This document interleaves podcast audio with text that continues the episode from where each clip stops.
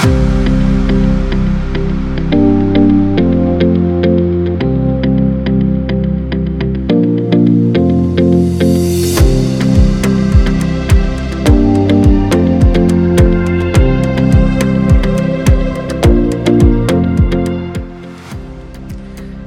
לכם, ברוכים הבאים לשומר סף מספר 98, אנחנו עוד מעט בני 100, ולפני שאנחנו עושים כל דבר אחר, ולפני שאני פונה לדוקטור רן ברץ שממתין בעמדת השידור שלו בארצות הברית, אה, אני אה, שמח לבשר לכם שיש לנו עכשיו קופון לא רק לרכישת הספר, איפה הוא? הספר הזה, ניידים ונייחים, אלא גם להנחה של 50 שקלים במינוי השנתי של שיבולת, נדמה לי שזה יוצא לכם 399 שקלים בלבד, שזה ממש מעט, והקופון הוא שומר S-H-O-M-E-R, והוא שימושי באתר אה, הוצאת סלע מאיר, גם לרכישת מנוי שנתי לשיבולת וגם לרכישת הספר המדהים הזה, רק קראתי אותו עכשיו, מאוד מאוד התרשמתי ממנו. יש לי שני עותקים. וואלה. אה, לקחת... שלי אחד של הבת שלי. הבת שלך היא בת כמה? 15, או שהיא כבר גדלה מאז שהספר יצא. קצת גדלה, אבל עדיין באזור הזה. אז, אז יש, יש שני בנים של, ששימחו את ליבי, כי הספר לא נכתב לילדים ל-15, הילדה שלך היא פשוט, אה, היא לא, היא לא בת 15 רגילה, אבל כך גם הבן של חנן עמיור. זה מתועד בתמונות שילדים בני 15, אנחנו, ממש גורם לי תחושת, אה, תחושה של, אה, שאני, אתה יודע, אולי הם התחילו מדברים שאני לא מגלה, ליעל, שהם היו קטנים, אחר כך אני זה, ובסוף אני אהיה המנחה בבינגו, כשהם יהיו זקנים אני אהיה המנחה בבינגו. אה, אז אה, רן, אתה צופה מרחוק במה שקורה לנו כאן, ומה שקורה לנו כאן עכשיו וכולם מדברים עליו וכל הטוויטר מלא בו, זה החוק למניעת נתניהו, שאומר שראש ממשלה לא יוכל להרכיב ממשלה או לכהן אם יש לו אה, כתבי אישום. אמ, איך זה נראה מרחוק? תשמע, זה נראה מאוד רע, זה קצת, אה, זה נוח להיות רחוק במצב כזה. יש, החקיקה האנטי דמוקרטית הזאת, הרי אנטי דמוקרטית באופן מוצהר, אין בכלל שאלה שזה לא חוק נגד נתניהו, זה חוק נגד מצביעי נתניהו. אפשר לעשות חוקים נגד נתניהו, במקרה הזה, מה שרוצים לפגוע זה במצביעים שלו, וזה, אתה יודע, אנחנו דמוקרטיה, יש הרבה ביקורת מוצדקת על, גם על הימין שהיה בשלטון, שאנחנו בקלות משנים חוקי יסוד, ואנחנו מדי פעם משנים את כללי המשחק, אבל מה שבדרך כלל עושים, אתה יודע, משחקים עם אחוז החסימה, אז במקום שניים, שלושה, כל מיני דברים כאלה. מה שיש פה זה ביטול של הצבעה של יותר מחצי מהיהודים במדינת ישראל, והם עושים את זה, מה שהכי, אני חושב, אני לא יודע אפילו איך, הכי מעליב, הכי עלוב באיך שהם עושים את זה, שהם לא באים ואומרים, חבר'ה, אנחנו הכוח שלנו ואנחנו עכשיו רומסים אתכם, והמנהיג שלכם זה נתניהו, אז עכשיו תראו מה זה. הם באים כל מיני, כמו פקידים, יש להם, הם מדברים כמו, כמו פקידות. ומין נימוקים כאלה כלליים ומופשטים, וכולם יודעים מה הם עושים, אבל לא, לא, מה פתאום, זה ענייני, אי אפשר לחשוב אחרת, אתה מסתכל על הנימוקים של יאיר לפיד, ואיך יכול להיות ראש ממשלה עם כתב אישום אם הוא לא יכול להיות אה, נהג או מאבטח? וואלה, בוא תראה לי נהג או מאבטח היום בשירות המדינה שיכול להיות בלי תעודת בגרות, אז איך אתה יכול להיות ראש ממשלה? איזה נימוק מטופש. חוץ מזה, מה הקשר אחד לשני? אתה יודע... לא, כאילו לא מבינים מה זה נבחר ציבור, אבל אה, אה. קודם כל יאיר לפיד אני אף פעם לא יודע במה הוא מאמין, כי הוא כל כך, הוא הרי נסחף רטורית אחרי הקלישאות של עצמו, ומה שנשמע טוב, הוא לא, הוא כמעט אמר זה כמעט מובן מאליו החוק הזה, ואתה יכול לשמוע אותו, הרי הוא פסל את כל השקפתו של נתניהו, כל השקפתו המדינית כטעות, ולא סתם הוא כתב טעות עצלנית. כי נתניהו לא מצא, לא טרח למצוא את המשותף עם בני הברית הפוטנציאליים שלנו, אבל אתה יודע, זה נושא חביב עליי הפוסט-מודרניזם של יאיר לפיד, שלמילותיו אין שום תוכן, והוא, וזה זה כאילו, אני כל הזמן אומר, זה כאילו לא רק עונש, זה גם עלבון, אתה קם כל בוקר, ו... וזה הפרצוף של ישראל, הקלישאות הנבובות שיוצאות לאיש הזה מהפה. אמ, וסער, אני רק משלים את זה, סער כתב איזה פוסט, גם כן הגבתי לו בטוויטר, הוא אומר, זה כאילו זה לא פרסונלי, מי שנגד החוק זה פרסונלי. אתה יודע, אני אומר, איזה, איזה פקידים, באמת, אנשים קטנים, יש לך אוהב פוליטי, תבוא, תגיד, אני נלחם בך, אני יצאתי מהליכוד, עכשיו אני בא ל... כן, הליכוד אלן דייסט, אנחנו נשמיד את הליכוד, אפילו זכות בחירה לא נשאיר לכם. תבוא, תהיה בן אדם אה, אמיץ.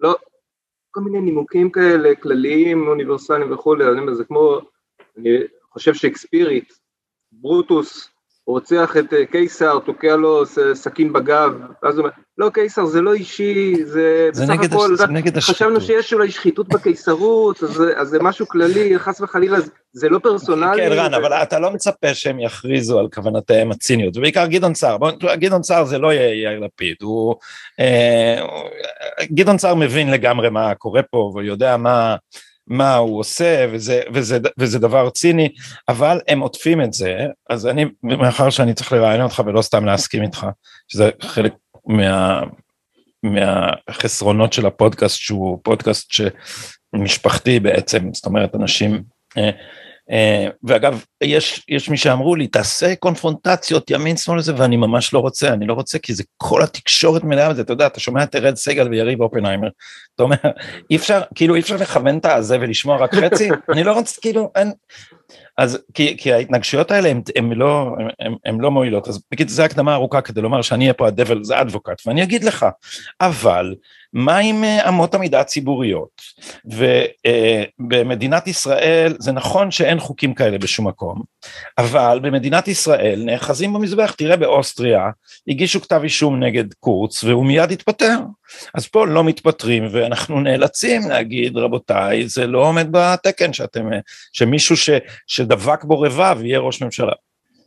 כן, אני לא מכיר את הפרטים לעומק של מה שקורה באוסטריה, אני רק יודע להיזהר מאוד, כי מי שקורא על ישראל מבחוץ, אז הוא גם בטוח שהתיקים הם תיקים רציניים, ושמנדלבליט והתביעה ישבו, כן, העשרות uh, הפרקליטים הבכירים, והיה להם איפכא מסתברא וכולי, ובסוף אתה רואה מה הגיע לבית משפט, אז אני מאוד נזהר מדיווחים תקשורתיים, אבל באופן כללי, אמות מידה ציבוריות נקבעות על ידי הציבור, ולא על ידי פוליטיקאים או ואו פקידים, מי שקובע זה הציבור, כל הדבר הזה של חקיקה למען, כן, ההחלטה למי מותר להצביע היא אנטי דמוקרטית באופן עקרוני, זה ברור שאם מישהו מורשע בפלילים יושב בכלא, אז כשהוא יושב בכלא הוא לא יכול להיות ראש ממשלה, אבל אין שום סיבה שאחרי זה לא ירוץ, זה בחזרה, מי שיקבע זה אך ורק הציבור, והאמות מידה הן אמות מידה ציבוריות.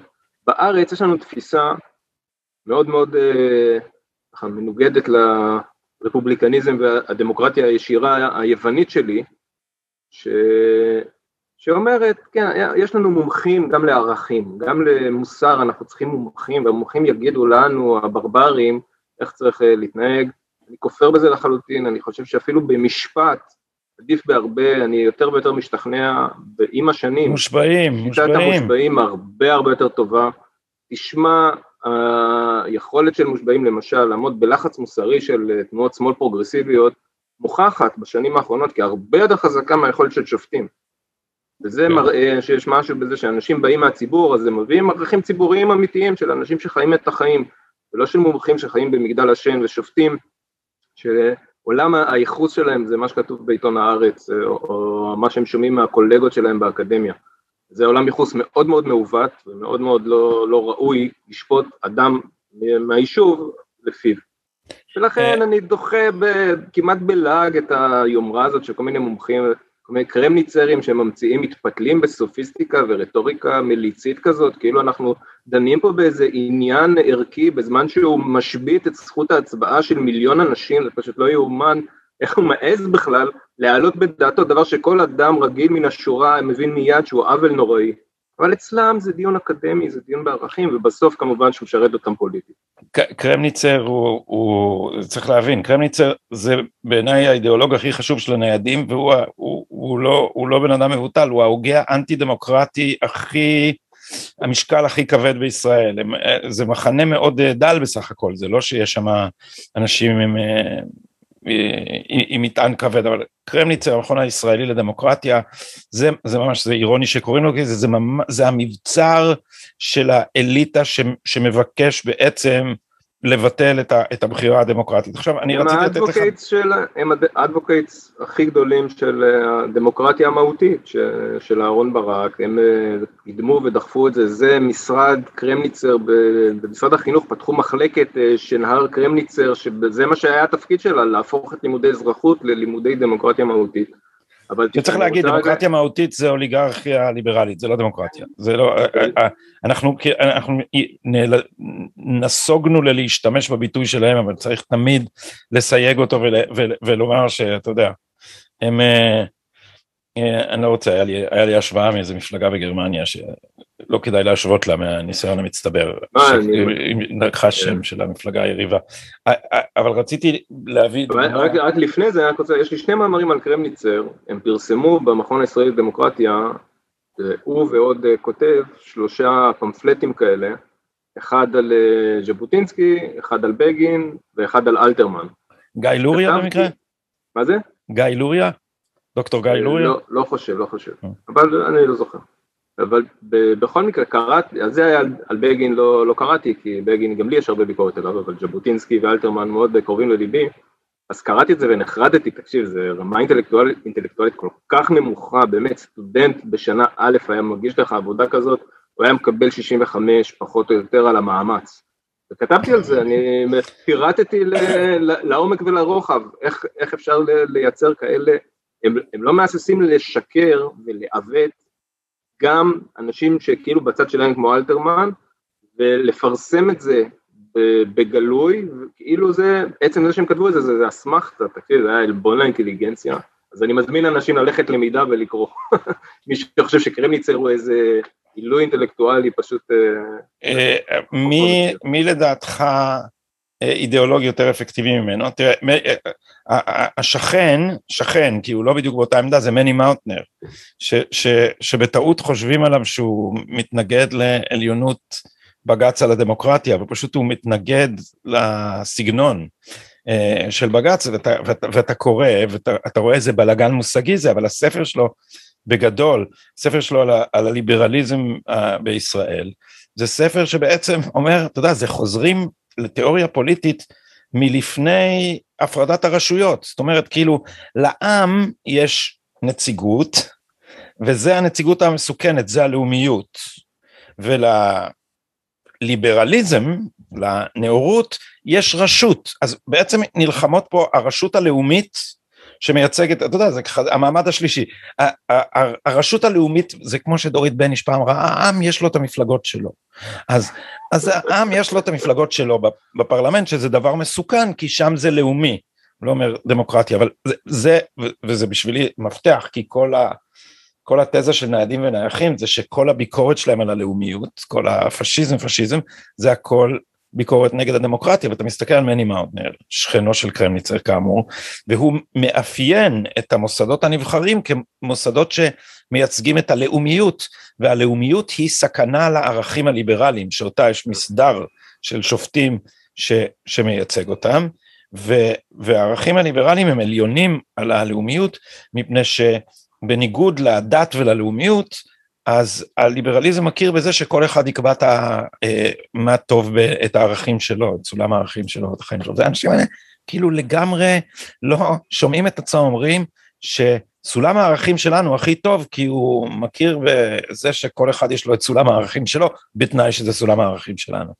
פרדוקס הסובלנות בקליפת אגוז, אבל התכוונתי להגיד משהו על, על אה, על פרשה שבמקרה עקבתי אחריה, כי, כי היה לי חבר קנדי וזה עניין אותי, הפרשה של רוב פורד, שהיה ראש עיריית טורונטו, כי כל הזמן כשאמרו פה, אבל במקומות אחרים יש אמות מידה ופוליטיקאי שמגישים נגדו כתב אישום, הוא, הוא, הוא מתפטר, אז קודם כל לא יודעים אפילו את הבסיס שברוב המקומות אי אפשר, ברוב, בדמוקרטיות חזקות וותיקות אי אפשר להגיש כתב אישום נגד ראש ממשלה מכהן, אז הפרשה של רוב פורד הוא לא ראש ממשלה, אבל הוא היה ראש עיריית טורונטו, והבן אדם צילמו אותו בווידאו מעשן קרק עם סוחרי סמים. צילמו אותו, לא תגיד, הגישו כתב אישום עם סעיפים על היענות חריגה, ש... לא, צילמו אותו מעשן קרק. ואחר כך הטלפון נעלם, ואז הבעלים של הטלפון נעלם, שצילמו אותו בו. וראש משטרת טורונטו אתה רואה אותו מדבר באיזה מסיבת עיתונאים ובדחילו, וכאילו זה ברור שמדובר פה יש לכם ראש הוא, הוא לא מושחת קצת, הוא פושע. והוא אומר, אנחנו נחכה שמועצת העיר תחליט. כי מועצת העיר זה גוף נבחר, ורק גוף נבחר יכול להדיח פוליטיקאי, אפילו אם הוא פושע. אז, אז, אז זה לא שהנורמות של רום פורד הן יותר טובות משל נתניהו באיזה אופן, והוא לא, נאחז גם קרנות המזבח, נתניהו נאחז פה לדעתי ב, ב, בצדק אה, אל מול מערכת שהוא היה צריך לטפל בה לפני שהיא פנתה אליו, זאת אומרת היה צריך לטפל בבעיית הפרדת הרשויות, לא, אני לא, לא רוצה שישתמע כאילו זה מלחמת אגרופים והוא היה צריך להרביץ ראשון, היה צריך לתקן פה את הבעיה של קלקול הדמוקרטיה הישראלית שעכשיו נושך אותו בזנבו, אז זה, זה, זה קנדה. אני רק כן. מזכיר לך, הדימוי של נתניהו כמושחת הוא לא קשור בכלל לתיקים האלה, זה רץ כבר עשרות שנים, זה קמפיין מתמשך, פשוט לא מצאו שום, לא, לא היה יועמ"ש מספיק אה, תפוס בגרון כנראה בשביל ללכת עד הסוף עם כתב אישום אה, מופרך ומטופש, אבל זה, הדימוי הזה הוא לא הומצא עכשיו, הם מייחסים לו את זה כבר, זה פשוט תעמולה פוליטית שהתגלגלה למסדרונות אה, מערכת האכיפה בטורבו, ועכשיו פוליטיקאים באמת חסרי אה, עמוד שדרה, ערכים, אני כבר לא יודע הם פשוט מנסרים את ה... אנחנו צפים על רפסודה פה ומנסרים אותה, הם לא, לא דופקים חשבון לשום דבר. ותגיד, אבל נתניהו פעם תמך בחוק כזה, נכון? הוא דיבר עליו יש, ב... יש איזה דיבור כזה ב-2008 עם אולמרט, משהו כזה, מישהו כתב לי את זה בטוויטר, אמרתי בסדר, אני אומר את דעתי, אני ב-2008 מחיתי נגד הממשלה של אולמרט, קראתי להתפטרות שלו והפגנתי נגדו ברחובות, ובמקביל תמכתי בחוק הצרפתי ואמרתי שלא צריך לחקור ראש ממשלה מכהן בגלל שזה מפקיד את הכוח בידי פקידים ועם כל הכבוד הכוח הפוליטי שלי יותר חשוב מכל דבר אחר. כן, אז כולנו עמדנו במצב, אני גם בזמנו כתבתי, נדמה לי שזה כבר היה ב-2007, שזאת רדיפה פוליטית, אבל, אבל אחרי זה התברר כמה אולמרט מושחת. ואתה יודע, זה, זה הקשה מאוד uh, על הטיעון, שהוא טיעון דו-שכבתי, ומאוד קשה בציבוריות הרועשת או בתקשורת לקדם טיעון שיש בו אבל. Uh, אז... נכון, אבל. אבל. אבל. בשביל זה יש פודקאסטים, ההגנה, בפודקאסטים ההגנה, יש אבל. כן, ההגנה שאנחנו מקנים ל, לראש הממשלה, היא לא לראש הממשלה, היא לציבור. יכול בהחלט להיות ראש ממשלה מושחת. אבל אנחנו מגינים על הציבור כשאנחנו מונים את החקירה שלו תוך כדי כהונה. אחרי הכהונה הוא יחקר וישפט, ואם צריך ילך לכלא כמו סרקוזי עכשיו וכולי, אין בעיה, הרי בצרפת החוק הצרפתי, כן? אנחנו, זה, ישפטו אותו אחרי. ההגנה היא על הבחירה של הציבור, לא על השחיתות של, של ראש ממשלה. זה רמת, זה רמת טיעון של איך תנסה אותה על ה...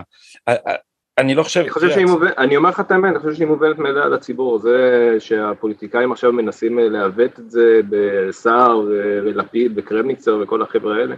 העובדה הפשוטה היא שבדמוקרטיות זה לא נהוג, והסיבה שזה לא נהוג היא לא שלא היו ראשי ממשלה ונבחרי ציבור מושחתים, היו רבים בהרבה מאוד מקומות, אבל בזמן כהונתם הם מייצגים, הם לא בפני עצמם, וכשהם מייצגים אז יש זכות הייצוג, אין מה... הם מייצגים אותי, הם לא מייצגים משהו אחר. אז, אז בוא, אז... נניח, בוא נניח שנתניהו קנה סיקור אוהד בהטבות רגולטוריות לוואלה.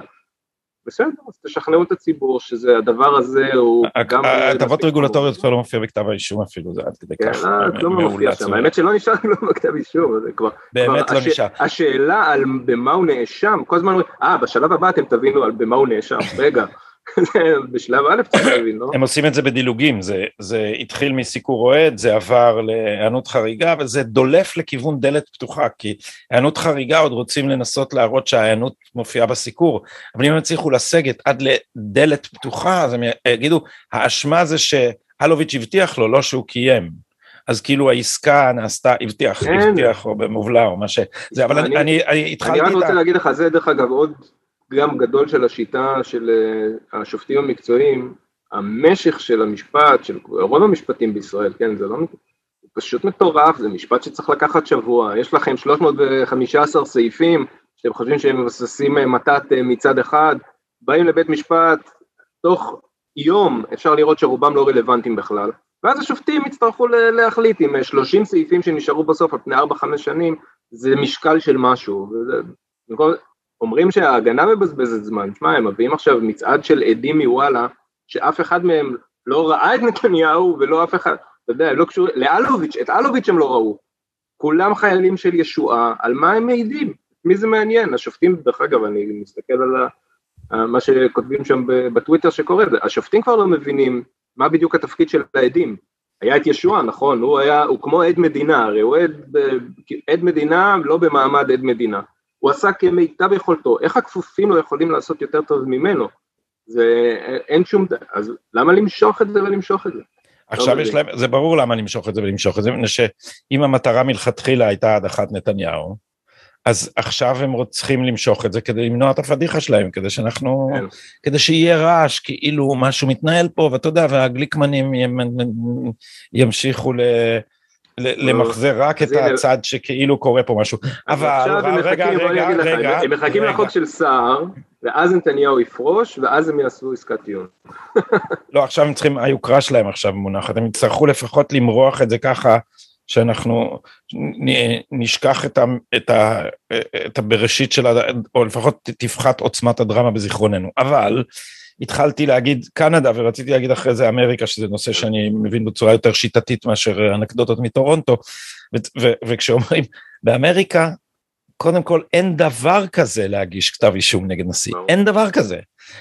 להליך נגד נשיא קוראים אימפיצ'מנט, אם הנשיא תופסים אותו רוצח מישהו, עדיין ה-FBI ומשרד המשפטים, ה-Attorney General, או אפילו חוקר מיוחד, לא יכולים להגיש כתב אישום.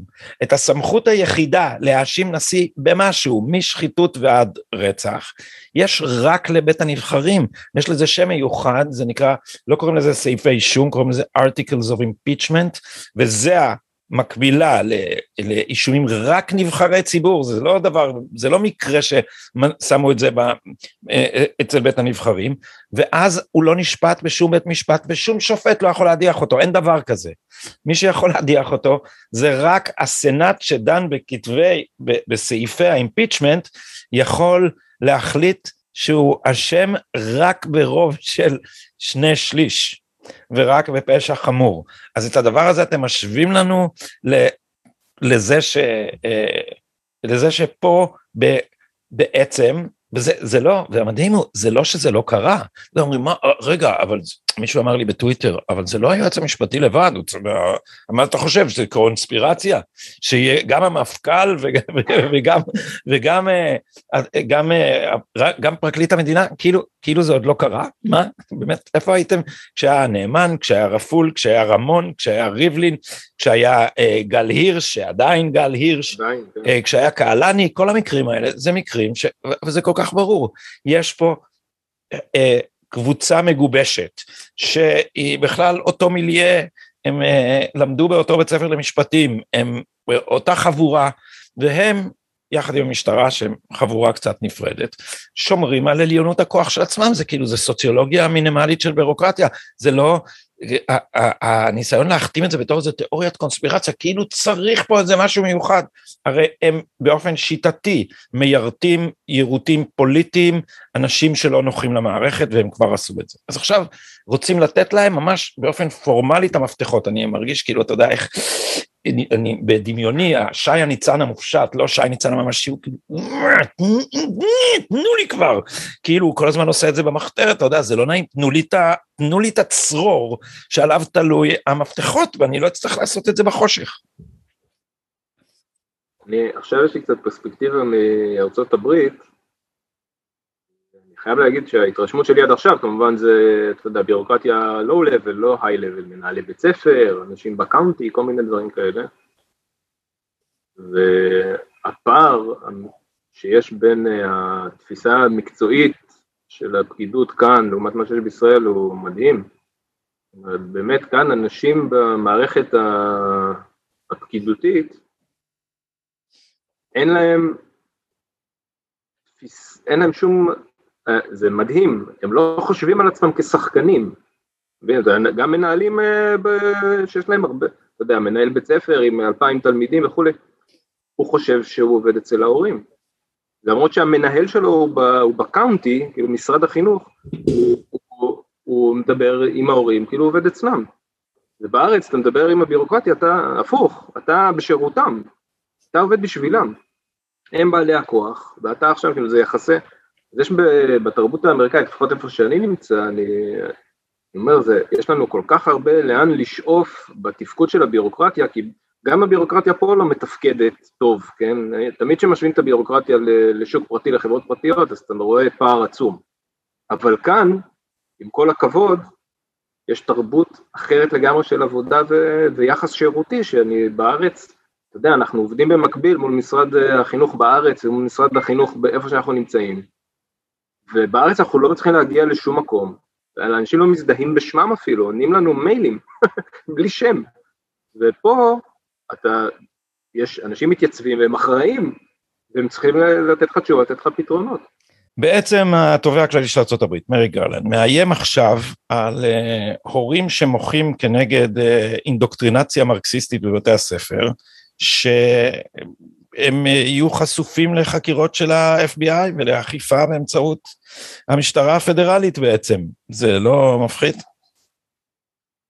טוב, זה, דרך אגב, הבעיה הזאת של התיאוריות הפרוגרסיביות שנכנסו למערכת החינוך, זה נכון גם בבתי ספר פרטיים, גם בבתי ספר פרטיים יש אה, עכשיו הרבה מאוד, אה, ככה איזשהו, הייתי אומר, מתח בין אה, חלק מההורים והנהלות, יש, כולל בבתי ספר יהודיים כמובן, גם, גם בזה אני נתקל. והפרוגרסיביים הם פרוגרסיביים אותו דבר בכל מקום, אבל הנה בוא אני אגיד לך מה ההבדל. ילדים שהולכים לבית ספר פה, בארץ הם הלכו לבתי ספר טובים, כן? זאת אומרת, אני, נכון שאני נמצא ב county טוב, ויש כאן בתי ספר ציבוריים שנחשבים טובים מעל הממוצע וכולי, אבל הילדים שלי נכנסו לבית ספר הם בשוק, הם כל הזמן לומדים, אין שיעורי רגשות, אין שיעור חברה, אין uh, שיח, שיעורי שיח, בארץ זה מלא, כל הזמן, זה, דברו על הרגשות שלכם, אתה יודע, הבנים שלי היו יושבים, בש... דברו על הרגשות שלכם, היו יושבים כמו ילדים שצריכים אה, ריטלין, הרגשות שלי זה שאני רוצה לצאת החוצה לשחק כדורגל, זה הרגשות שלי, כאילו, מה אתם רוצים מהחיים שלי? בנים טיפוסיים, אז אה, מלאי אנרגיה. אז הם באים לבית ספר, אני מסתכל מה הם לומדים, רוב האינדוקטרינציה היא בשיעורי היסטוריה. זה שם בעיקר נכנס הסיפור הזה, גם גם דרך המורות וגם דרך התכנים, חלק מהתכנים שלומדים, אבל הרוב המוחלט של ההורים והשיח, כן, אני עכשיו, אתמול הייתי בישיבה כזאת של הורים ו-PTA וכולי, הם מדברים על שני דברים וזה מה שהכי מעניין אותם, אחד, זה ההצלחה הלימודית של התלמידים האלה שצריכים ללכת להייסקול ואחרי זה לקולג' והם מתעניינים ברמה הלימודית, אם יש איזה מורה חסר, אם המורה למחשבים היה חולה, זה מה שהם מדברים עליו, אנחנו איך משלימים את החומר, תראו לנו את התוכנית, ומתייצבים מצד בית ספר עם תוכנית ולקחים והפקות לקחים וכולי. והדבר השני זה safety, ה safety הפיזי והרגשי של הילדים, אבל היה, אם יש איזה אירוע בית ספרי, אתה יודע, יש להם המון נהלים לאמריקאים ומיד באות מלא משטרות וכולי, בכלל המשטרות מקיפות את בתי ספר, הם מאוד אז האבטחה של בית ספר והרמה הלימודית, ובתוך כל הדבר הזה שברובו המוחלט הוא מקצועי לגמרי, יש באמת את הסיפור של ה bias בהיסטוריה, אני עוד לא נתקלתי פה בהורה שזה מפריע לו, אני, אני כמובן רואה את זה מאוד חזק, שהלימודי היסטוריה הם רחוקים מלהיות אה, ככה ניטרליים. מה אתה רואה למשל? לא, כל, כל האווירה זה אווירה ווקית, כאילו, כל ההיסטוריה בעיניים ווקיות, זה, זה הסיפור אה, של אה, מה שלומדים היום בבתי ספר. זאת אומרת סיפורי empowerment במקום... כן, ואלה דיכאו את אלה ואלה דיכאו את אלה, והמיעוטים המדוכאים תמיד צודקים, והמדכאים הם תמיד נוראים, ואין, אף פעם זה לא... הסיפור כמו שהיית מצפה ש... שהוא יישמע. כן, זה הכל פאוור ודיכוי, ואין שום אנושיות בדרך ושום דבר, ותמיד הצדק זה תמיד לתקן את ה... להפוך את, את זה שעכשיו המפקעים יהיו המדכאים. זה ה... את זה אנחנו מבינים, דיכוי כזה אנחנו מבינים, זה הדיכוי של האופרסט שעכשיו... אה, ואיך, ולכן שחור לא יכול אבל, להיות, אבל הנקודה העיקרית, לא יכול להיות גזעני באופן עקרוני.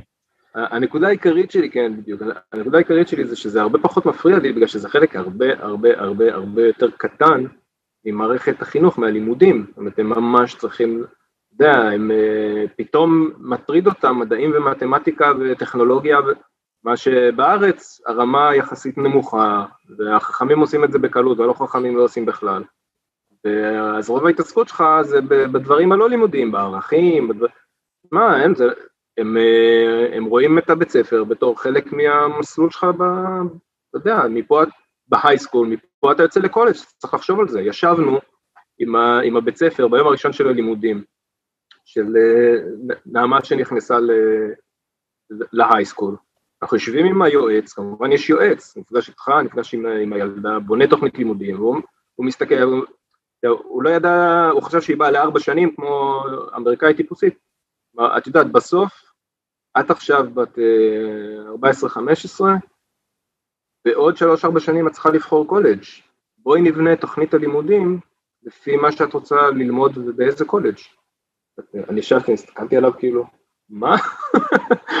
כאילו זה, איפה, באיזה עולם אנחנו חיים, ש...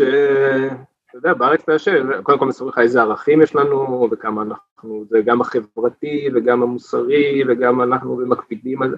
אף אחד לא מדבר על הרמה הלימודית ולאיזה תואר תרצה לעשות ובאיזה אוניברסיטה, כי עכשיו אתה צריך להתחיל לחשוב על הקורסים, כי זה, מה, בכלל, האייסקול פה הוא כמו אוניברסיטה. הם הולכים, למורים יש את הכיתות שלהם, אין כיתת אם לאף אחד, למורים יש את הכיתות שלהם, והילד בונה לעצמו מסלול, אתה רוצה פיזיקה, אז יש לך עכשיו, אתה מתחיל לעשות קורסים בפיזיקה, ואם אתה טוב, אז אתה מתחיל לעשות בהייסקול קורסים של קולג', ואז כשתגיע לקולג' אתה כבר תוכל לרוץ יותר מהר קדימה, תשמע, זה, הם מסתכלים על הלימודים ברצינות, ממש ברצינות. אבל, אבל גם... אה, אור, אור הגיע לעיניי. אבל יש בזה גם משהו שהוא אה, קודם כל מכוון קריירה וכמעט לא מתחשב בקיומה של ילדות באמריקה, ושנית משהו נורא נוקשה בכמה שה...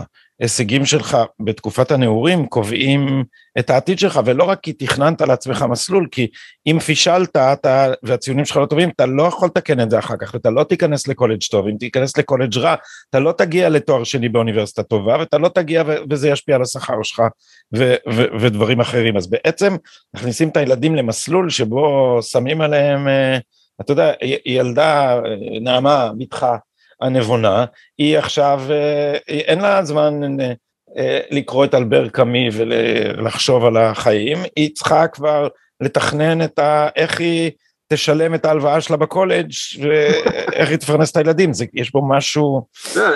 א', זה, א', זה נכון, אבל אני, אני אתן לך תשובה על שני החלקים שהעלית, לילדות אני אתייחס אחר כך. קודם כל, א', זה נכון, ב', אני, תמיד הילדים שלי אומרים, אנחנו היינו בתפיסה שאמריקאים ילדותיים לעומת הישראלים, שזה ככה ישראלים חושבים.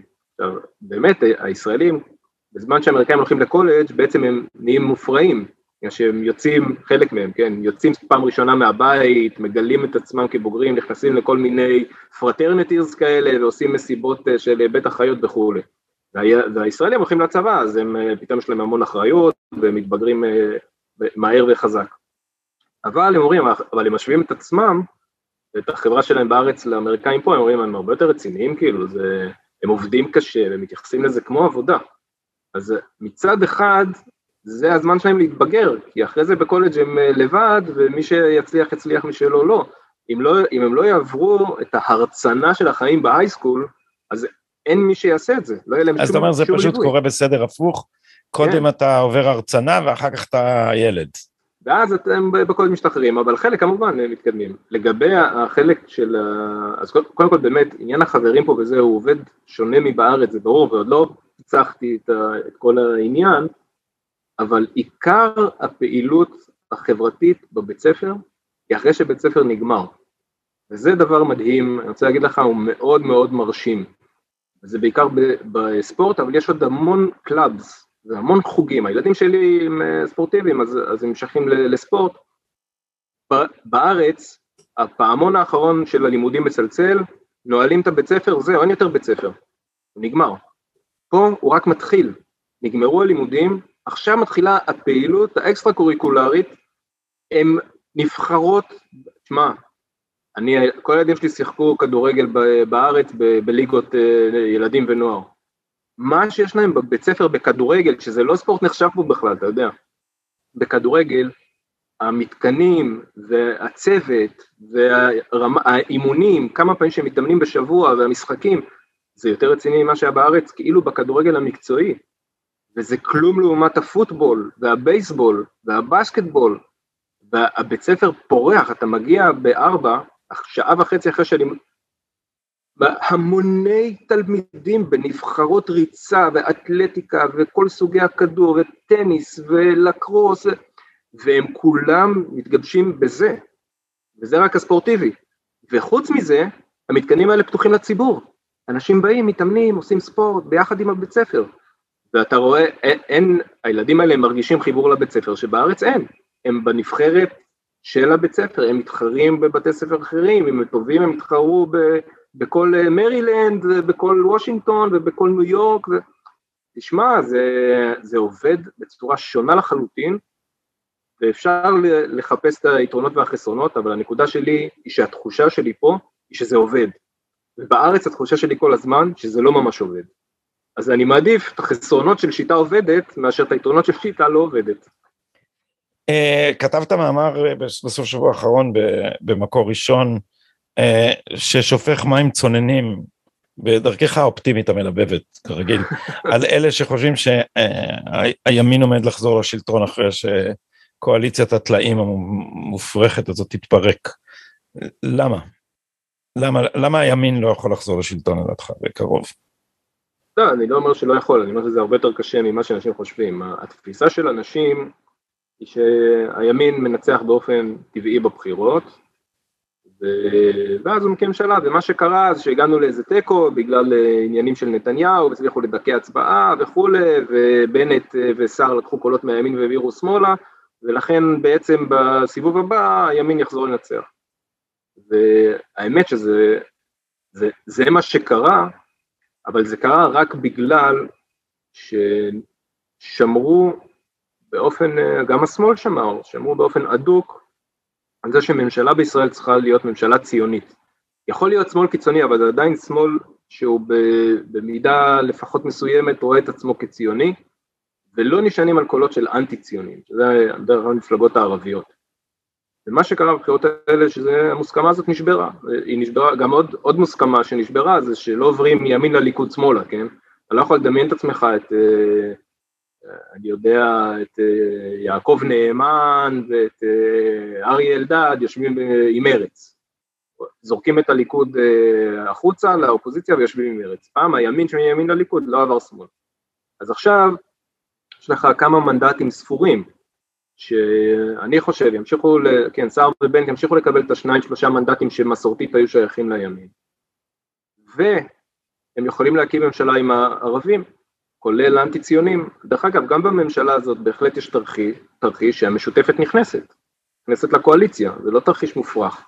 הרי הסיבה שהם בחוץ היא סתם, אה, מבחינה פוליטית זה היה נוח, אבל אם הם יצטרכו את המשותפת יאיר לפיד זה לא יעצור אותו מלהוסיף אותם. אז עכשיו אני מסכם. אם אני מסתכל על תוצאות הבחירות אחורה, ואני אומר, מותר למנדטים של הימין לעבור שמאלה, כמו שבנט עשה, ואו מותר לשבת עם המפלגות הערביות, היינו מפסידים כמעט בכל, ה... בכל העשור האחרון. לא היינו מצליחים להקים ממשלה, והשמאל היה מצליח להקים ממשלה. המוסכמה, בעיקר בגלל המוסכמה הציונית. ברגע שאפשר לשבת עם מפלגות אנטי-ציוניות, השמאל היה יכול להקים ממשלות, גם בבחירות שניצחנו בעבר. פשוט זה ציבורית היה לא מקובל, ועכשיו זה אולי החטא הכי גדול של בנט. בנט, עכשיו, כשאני אומר את זה, גם נתניהו דיבר עם עבאס וכולי, אבל בסדר, לפחות בליכוד מכחישים שזה היה לשבת באותה ממשלה, כן, אז אני לא יודע מה היה קורה. אבל בכל מקרה, בפועל, באופן מעשי, הממשלה שקמה עם עבאס, ובתמיכה מאחורי הקלעים, שאולי גם תהפוך להיות לפני הקלעים, של המשותפת גורמת לזה שלשמאל יש יותר מ-61. ובמצב הזה הימין יצטרך לעבוד מאוד מאוד קשה בשביל להעלות דרמטית את אחוזי ההצבעה שלו, אחרת הוא יפסיד עוד פעם. באחוזי ההצבעה שהיו, אנחנו נמשיך להפסיד. זה, אני מצטער, אבל אלה העובדות. ושזה מאוד מדכא, כי, כי אתה יודע, אני, שנינו בפוזיציה הפוליטית שבה אנחנו אה, נמצאים, אה, רואים את הזעם והתסכול של אנשים שמרגישים שבעצם אה, גנבו להם את, ה, את, את, את ההצבעה בבחירות. ואז אתה אומר, מגיעים לבחירות והם לא באמת אה, יוצאים, ואתה מסתכל על אחוזי ההצבעה, ובמעוזי הליכוד אחוזי ההצבעה יותר נמוכים. מה, איך אתה מבין את הסיבה לזה? תראה, זה קודם כל חד משמעית, השמאל מביא יותר מצביעים לקלפי. יש לזה הרבה השערות, הרבה אנשים מנסים למצוא הסבר לתופעה הזאת, אבל אה, אין לי, אני לא, אני לא מתיימר, אני חושב שזה עניין מאוד מורכב, הוא קשור לזה שהיינו עשור בשלטון, כן, הליכוד היה עשור בשלטון, אז אנשים מתרגלים, הוא קשור לזה שאין משבר גדול, בזמן שהשמאל מבחינתו, כשהימין בשלטון זה משבר, אז הוא יוצא לקלפי, ב... יש לו מוביליזטור חזק מאוד, שזה להפיל את ביבי, להפיל את הימין וכולי, לחזור לשלטון. אבל את זה עכשיו כבר יש לנו גם. כן, נראה. ודבר שלישי זה שחלק מהאוכלוסיות שהן אה, לא מזוהות, הן אה, בדיפולט היו מצביעות ימין, אבל זה לא, זה לא כזה אכפת להן, זאת אומרת, זה לא, אנחנו ציבור פחות, אה, יש מרכז מרכז ימין, חלקים בחברה הישראלית שזה לא עד כך מעניין אותה, עכשיו זה, זה לגיטימי, כן, אנחנו יחסית מדינה עם אחוז הצבעה לא רע, בין 65-70 אחוז, אנחנו, אחוזי הצבעה פה סבירים, אנחנו סובלים מזה שרוב הלא מצביעים כנראה מזדהים יותר עם הימין מאשר השמאל, ובעניין הזה אין, אין לזה איזה הסבר ברור, זה פשוט אה, חלק מהאנשים לא מצביעים, מה תעשה? צריך למצוא את הדרך למשוך אותם בשערות אה, ולהוציא אותם החוצה. אמ, בניתוח שלך את הסיכויים של הימין, אתה אה, ממקם את לשון המאזניים על ה, כמה זה שניים שלושה מנדטים ששייכים לציונות הדתית סוציולוגית וממשיכים לתמוך inexplicably בנפתלי בנט. אמ, קודם כל, איך אתה מסביר את התמיכה הזאת?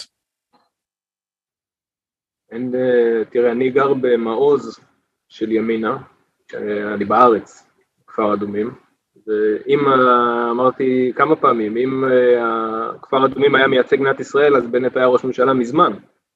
זאת המפלגה הכי גדולה, גם כשהם לא עברו את אחוז החסימה, הם היו המפלגה הכי גדולה בכפר אדומים. הוא היה ראש ממשלה ביושר, אתה אומר, אם זה היה, כן, זה לא ב...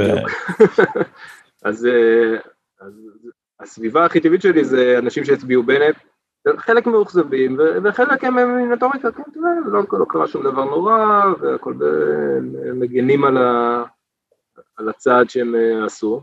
אז יש גם התפכחות, אבל גם איזושהי אה, התמדה, ואני, רוב האנשים לא, כאלה, לא כל לא, כך מתעניינים, לא, אתה מבין? זה, זה לא דבר קטן, כי הציונות הדתית, ב, אתה, אתה מדבר על כפר אדומים, אז בוא נשאר איתך, זה בכל זאת אנשים שגרים ביהודה ושומרון, ששייכים לציבור המתנחלים, שאתה יודע, זה, אני פוגש סטודנטים כאלה שהם אומרים, כשאני מלמד על לאומיות יהודית ועל ציונות, אז תמיד יש סטודנטים מהציונות הדתית שטוענים שהלאומיות שלנו, החילונים, היא בעצם שטחית וחלשה כי היא לא מעוגנת בשום דבר. לעומת הלאומיות של הציונות הדתית, שמעוגנת בציווי האלוהי, ולכן נטועה בקרקע יציבה, ו, אה, ו, ו, ולכן היא אחוזה במוחלט, ולכן אפשר לסמוך עליה. והנה, והנה. קודם כל, כשאני מלמד על ציונות ולאומיות, אני אומר, בצערי הגדול, מסתכלים על זה באופן היסטורי, אז הציונות לא נובעת מהיהדות, היא נובעת ממהפכה מסוימת, אפשר לקרוא לזה מהפכה, או קריאת תגר על היהדות. ורוב מוחלט של היהדות האורתודוקסית דחה את הציונות כשהיא אה, הגיחה לאוויר העולם גם באמצע המאה ה-19 עם אה, אלקלעי וקלישר ואס, וגם במופע אחרי זה עם אה, פינסקר והרצל וכולי, הרוב האורתודוקסי דחה את הציונות, ונימוקים לא, לא פעם ולא פעמיים, נימוקים דתיים ואמוניים. ולכן כל התפיסה הזאת, כאילו הציונות היא המשך טבעי של היהדות, זה, היא לא נכונה, בגלל שבמהלך הגלות דברים השתנו. והתפיסה של מהי יהדות... יותר ועדות אשכנז מוועדות המזרח. כן, כן, ברור, אבל זה בגלל ש... מכל מיני סיבות, לא ניכנס לזה. כל הסיפור הזה הוא ויכוח הרי פוליטי, והוא יכול להיות רק באירופה, כי במדינות אה, הלא אירופאיות לא הייתה, לא היה אביב עמים ולא היו תנועות לאומיות ולא היה דמוקרטיזציה. כל הדברים האלה שהם הבסיס של הדיון הציוני, דרך אגב, הרי הציונות, בלג הראשון שלה, שהיא באמת אז, באביב העמים, עם קאלי שרל קלעי ואס, היא כמעט, היא מהר מאוד דועכת, ואז כשהיא חוזרת בשנות ה-80, זה בלג אחרי אירופה. כן, את זה אומר בן ציון נתניהו, ההיסטוריון. זאת אומרת, הם פספסו בשלושים שנה את המומנט. יש סיכוי טוב שאם הציונות הייתה תופסת באמצע המאה ה-19, שהיה לה מעמד הרבה יותר גדול בקרב האומות, הם פשוט הגיעו כבר כשחזר האימפריאליזם, כשהתנועות הלאומיות התחילו להיחלש וחזר האימפריאליזם, אז היהודים התעוררו. בסדר, אנחנו עם מיוחד. אנחנו מפגרים ב-30 עד 50 שנה עוד כבר, עוד מההשכלה, זאת אומרת זה אחורה, גם, גם ההשכלה מפגרת אחרי הנאורות הכללית בלג כזה. דרך אגב, זה גם דבר נחמד, אנחנו גולשים פה, אבל זה, מה, מה יותר כיף מאשר לדבר על הדברים האלה? הרי חלק מההתנג, מההתנגדות של האורתודוקסיה לציונות, זה בגלל שהציונות של אה, שנות ה-80 הגיעה בדיוק כשהעולם האורתודוקסי הרים את כל מנגנוני ההגנה שלו נגד ההשכלה. וברגע שבאה הציונות, אז הם, כל המנגנוני אנטי השכלה האלה הוסבו על הציונות בתור תנועת השכלה יהודית. ובום, כן, כבר הכל היה מוכן, כל כתבי העת וכל הרבנים וכל הפסיקות וכל ההתנגדויות, כבר הכל היה כתוב נגד ההשכלה הכללית, והכל אמר, הנה, הציונים הם, זו תנועה חילונית, זו תנועה שרוצה להסב את כל הסמלים הדתיים לסמלים לאומיים חילוניים, וזאת ההשכלה בתחפושת, זה הדבר הכי מסוכן, כן, יש... לא מופרך, זה לא מופרך, אבל התפיסה הזאת, לא, לא, לא. יש להם... הציונות אה, יצאה מתוך, מתוך הענף הזה וחלקה היה חילוני באופן אה, מיליטנטי אה, וכידוע לנו התקשרו. הרצל להתמודד עם הבעיה הזאת, כן, עם הפלג הדמוקרטי של התנועה הציונית, הרדיקלי התמודד כל הזמן, למעשה זה גם משעשע. הציונות הדתית במידה רבה זה מפעל של הרצל, כדי שתהיה לו תנועת נגד דתית בתוך הקונגרס הציוני מול הרדיקלים האתאיסטים המתחלנים, כן, אז אה, וזהו, אה, הלך לריינס וכולי וביקש, אה, וככה קמה הציונות הדתית כדי לעזור להרצל בתוך הקונגרס מול הרדיקלים. אבל, אבל הנה, זה, הציונות הדתית היא לא המשך טבעי של שום דבר, וגם ריינס הוא לא היה כזה ציוני, כן, המפעל חיים שלו היה באירופה בכלל, אבות הציונות הדתית הם לא היו ציונים נלהבים, הם היו ציונים מסכימים. אז, אז אני אתן לך זווית אחרת על זה שהיא ספקולטיבית, אני לא בטוח לגמרי בדבריי בהקשר הזה, אבל אני משתמש ב, באמירה היפה של אדלי סטיבנסון על ליברלים. A liberal is a man with two legs, with two feet firmly planted in the air. ליברל הוא אדם ששתי רגליו נטועות בחוזקה באוויר. אז הלאומיות של הציונות הדתית היא במובן אחד נטועה באדמה, כי היא נדל"ן נהייתה, נהייתה רק מצוות יישוב הארץ, במובן אחר היא נטועה באוויר, במובן זה שהיא כל כך מופשטת שהיא א-פוליטית. אני מאוד אה, אה, אה, אהבתי את המאמר של פרופסור אבי בראלי אצלכם במידה, אני תרשה לי להגיד לך אצלכם, בתור, אתה, בשביל את המידה, שאמר, שאל האם זה סופה של הציונות הדתית, והתזה שלו אמרה שם בצורה הרבה יותר מוצלחת ממה שאני אמרתי עכשיו, היא אמרה, החשיבה שלהם היא מיתולוגית.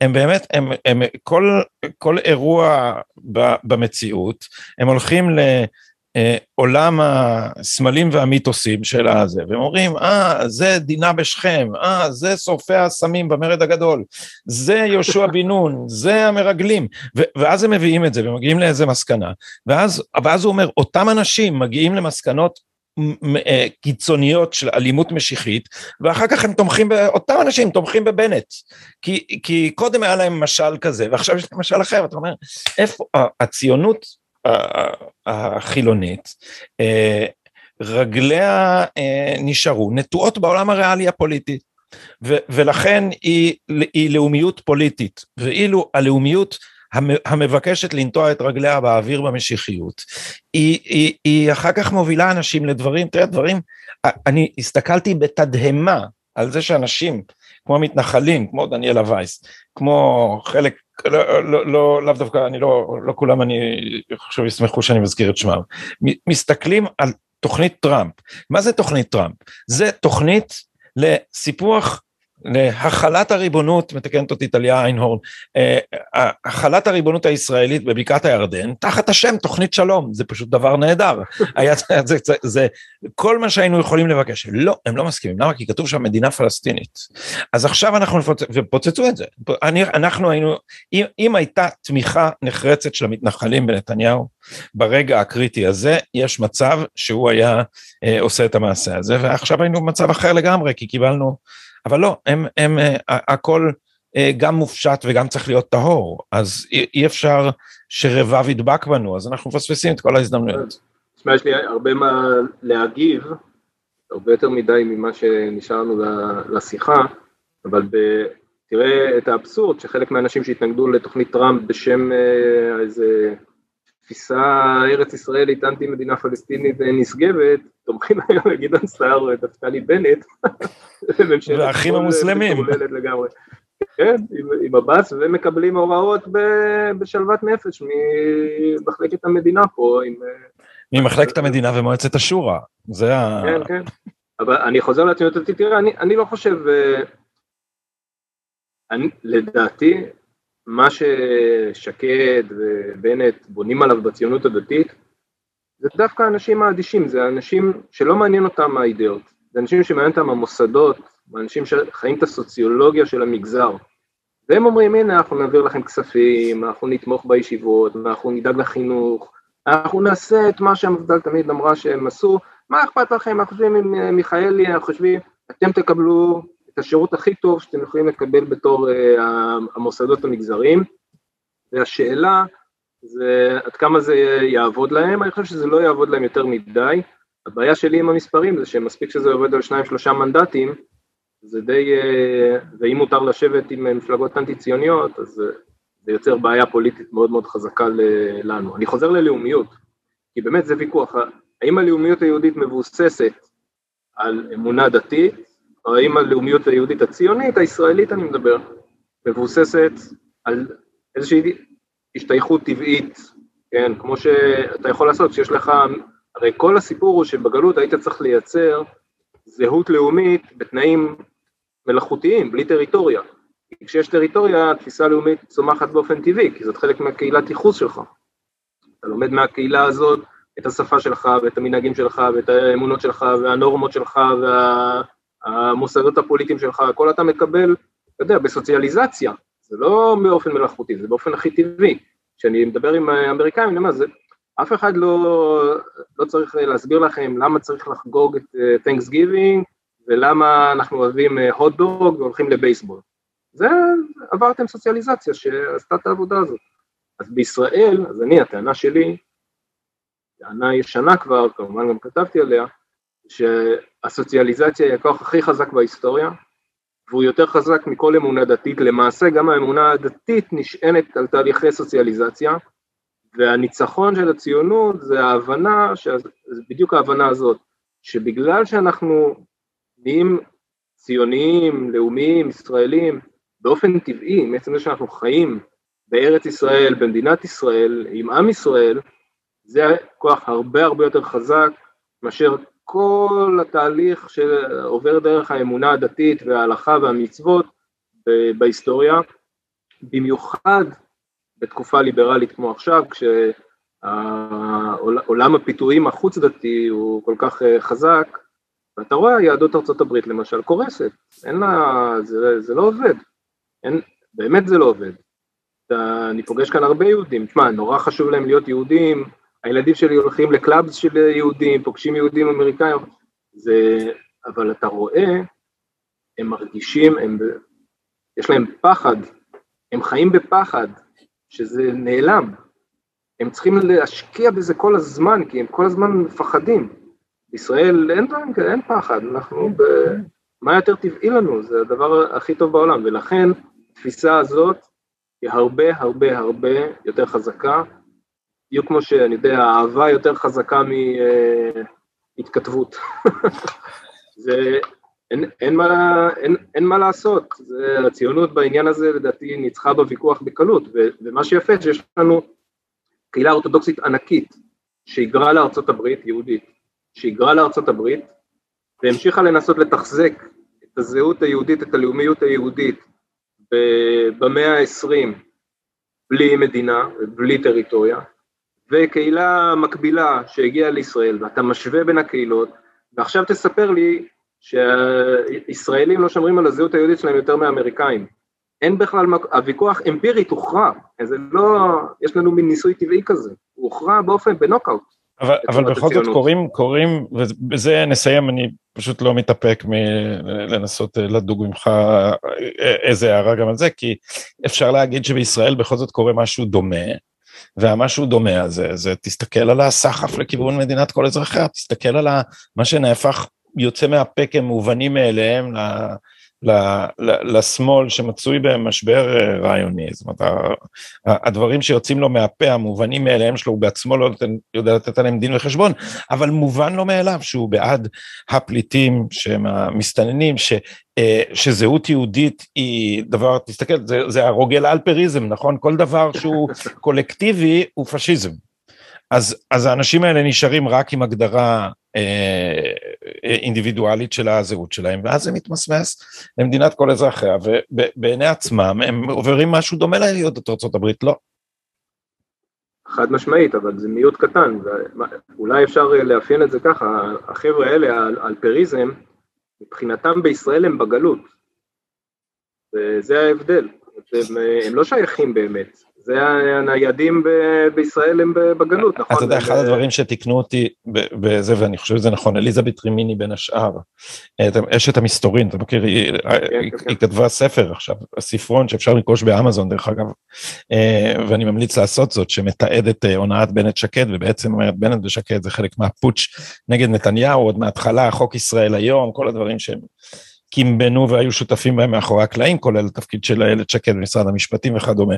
אז אליזבת אמרה לי, הניידים הם רובם ניידים מדומים, הם נדמה להם שהם ניידים. אתה יודע, רוגל אלפר נדמה לו שהוא לא ישראלי, אבל רוגל אלפר לא יעבור, יעבור עכשיו לניו יורק וייתנו לו טור בניו יורק טיימס לכתוב את אותו דבר, נכון? הוא כאילו, הוא תלוי לגמרי בזה שהוא, בזה שהוא נטוע בתוך הקשר ישראלי. ואז אמרה, אמרו לי אחרים, יש, הקבוצה הקטנה מאוד של הניידים באמת, זה אליטה מאוד מאוד עשירה, שבאמת יכולה, אתה יודע, לבנות לעצמה בית וגן ב, ב, בכל פינה בגלובוס.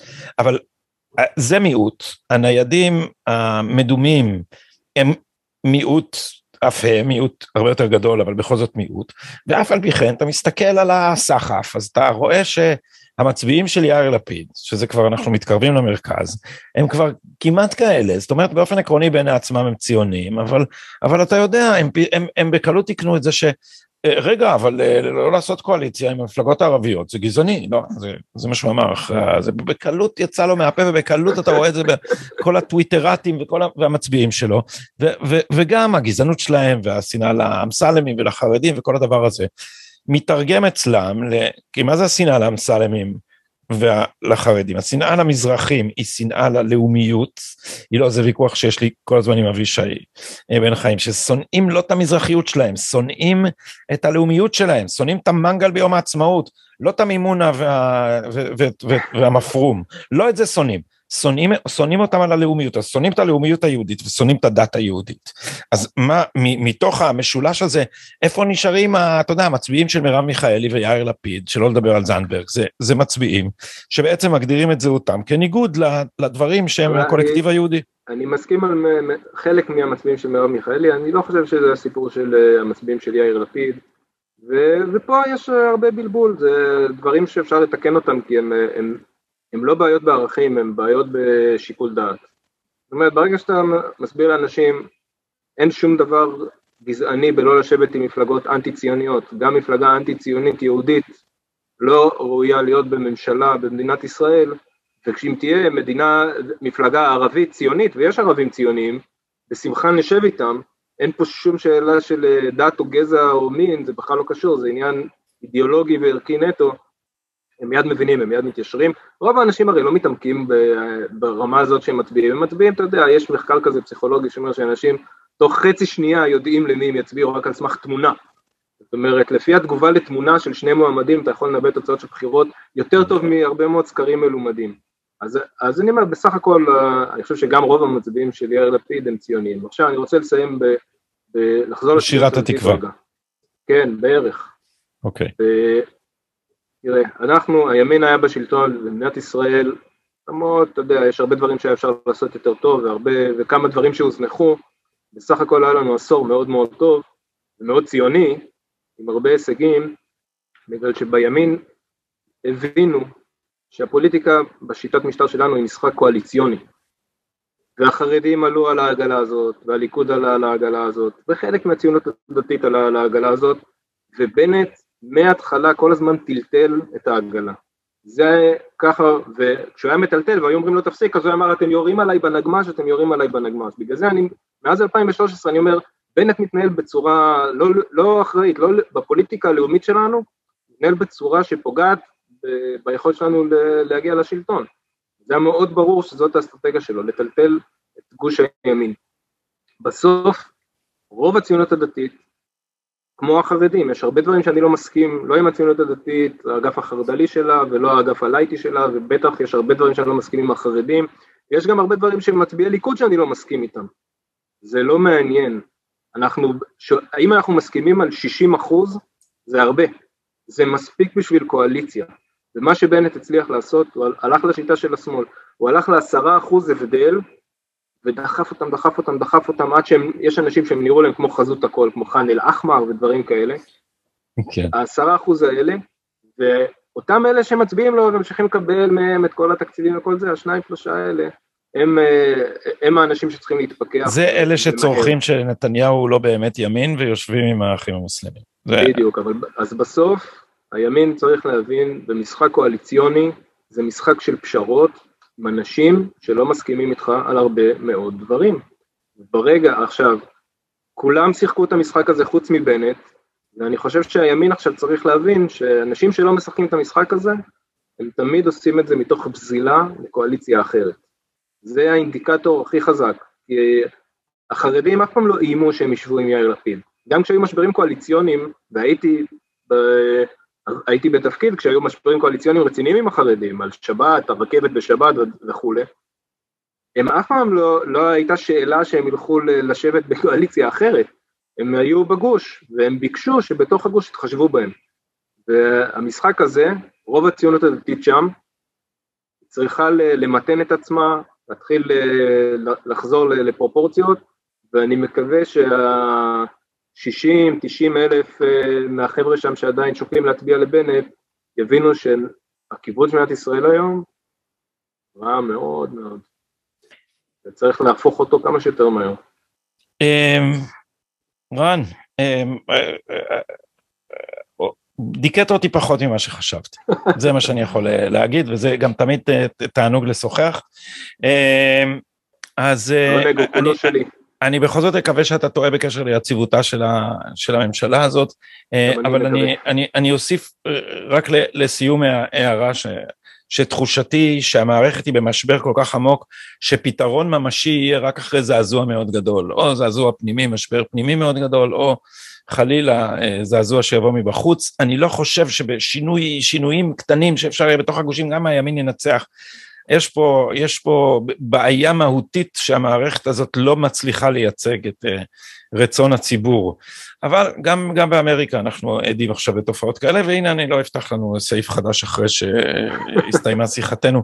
אז אני מאחל לך, uh, uh, תהנה בשבתונך, כשתחזור אנחנו מקווים שהרפסודה עדיין תצוף. תודה. תצוף, תצוף. תודה רבה, גדי. ביי.